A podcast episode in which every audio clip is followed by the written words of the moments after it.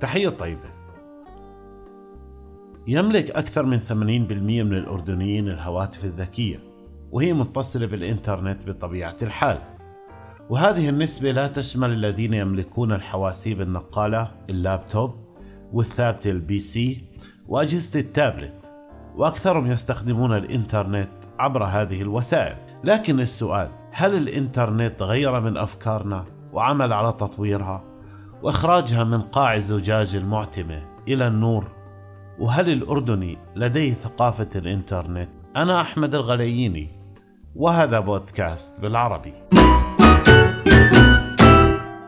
منذ اجتياح الهواتف الذكية عالمنا وخاصة بعد ثورات الربيع العربي ومؤشرات الحريات متقدمة خاصة على منابر ال social media. رغم الاعتقالات وقوانين الجرائم الإلكترونية غير أن هذه المنابر بقيت هي السبيل الوحيد لتعبير الناس عن آرائهم سواء الفكرية أو السياسية أو الثقافية وغيرها من الآراء. هناك أيضا تنوع كبير في الفكر والطرح والمحتوى الذي يدرج بين القيم والسخيف ولكن للأسف ظهرت هناك مصطلحات مثل التطرف الفكري والإرهاب الإلكتروني ونبذ الآخر والتنمر الإلكتروني. وكل ما تفتح حوار أو نقاش ينقسم بين مؤيد ومعارض. وهذا الشيء صحي وطبيعي في أجواء الديمقراطية السائدة في الحياة العامة الأردنية. لكن للأسف تكتشف كم كبير من التطرف والنبذ والتكفير دون أي سند شرعي فقط على مزاج صاحب الحساب. وهذا خلف للأسف الطبيعة المجتمعية التي يعيش الفرد فيها وأيضا عدم وجود فلسفة النقاش والحوار خاصة وأن التعليم الأردني الآن تلقيني وليس معرفي. وهذه الحالة سببت عدم قبول الاختلاف عند طبقات معينة من المجتمع الأردني والعربي. ولأن غالبة الأردنيين للأسف غير قارئين ويستسقون معلوماتهم من الموروثات والثقافات الغير قائمة على مستند صحيح. فقط على التناقل الأخبار والكلام بين الناس فقد عزز لديهم ثقافة التمسك بالرأي وعدم قبول الآخر ورفض حتى التعامل معهم حتى وصلت للخلط بين شخصية صاحب الرأي ورأيه. الفكرة من المنتديات ومنصات الحوار هي تبادل الآراء والنقاش فيها لكن الكثير للأسف رفضوا هذا الشيء وللأسف ظهرت فجوة عميقة بين الناس وعدم التقارب بين أفكارهم سواء بالنقاش أو تحليل مضمون الكلام وهذا جعل الكثير من الناس غير قادرين على تقبل الآخر. وعزز لديهم شعور التطرف بالرأي خاصة مع وجود أشخاص مؤيدين لآرائهم دون معرفة الرأي فقط دعما لطارحه.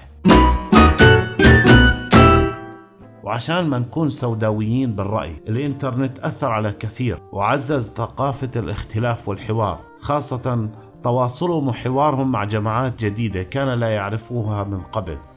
أثرت عقله بمضمون مختلف وجعله إنسان قارئ ولديه معرفة مما أثر على أفكاره وطورها وبالتالي طور من نفسه.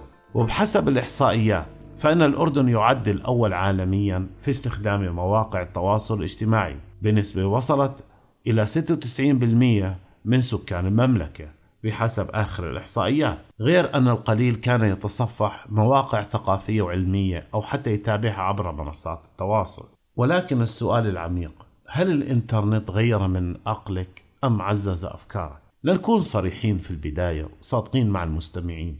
الكثير من أصحاب الحسابات على التواصل الاجتماعي تعرضوا للتنمر. وحتى أنا بسبب أفكاري وشخصيتي التي صنعتها بنفسي تعرضت للتنمر خاصة من زملاء المقاعد الدراسية.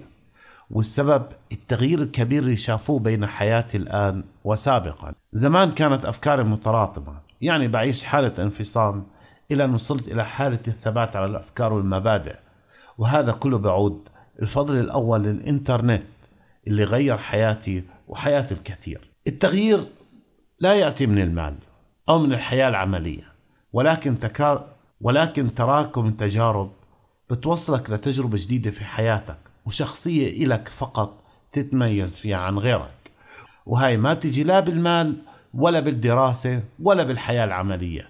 هاي بتيجي من تجاربك الشخصية. ومن هون نقدر نحكي إن الإنترنت طور من حياتي كثيرا ونور عقلي. وغير الكثير طبعا ولكن الكثير أيضا بقوا ثابتين على أفكارهم رافضين تسرب النور إلى عقلهم وتنشيط خلايا التفكير وزيادة المعرفة إلهم. وأيضا زيادة المعرفة التكنولوجية العلمية والثقافية بشكل عام. وظلوا مثل ما هم لما تغيروا ولا إشي.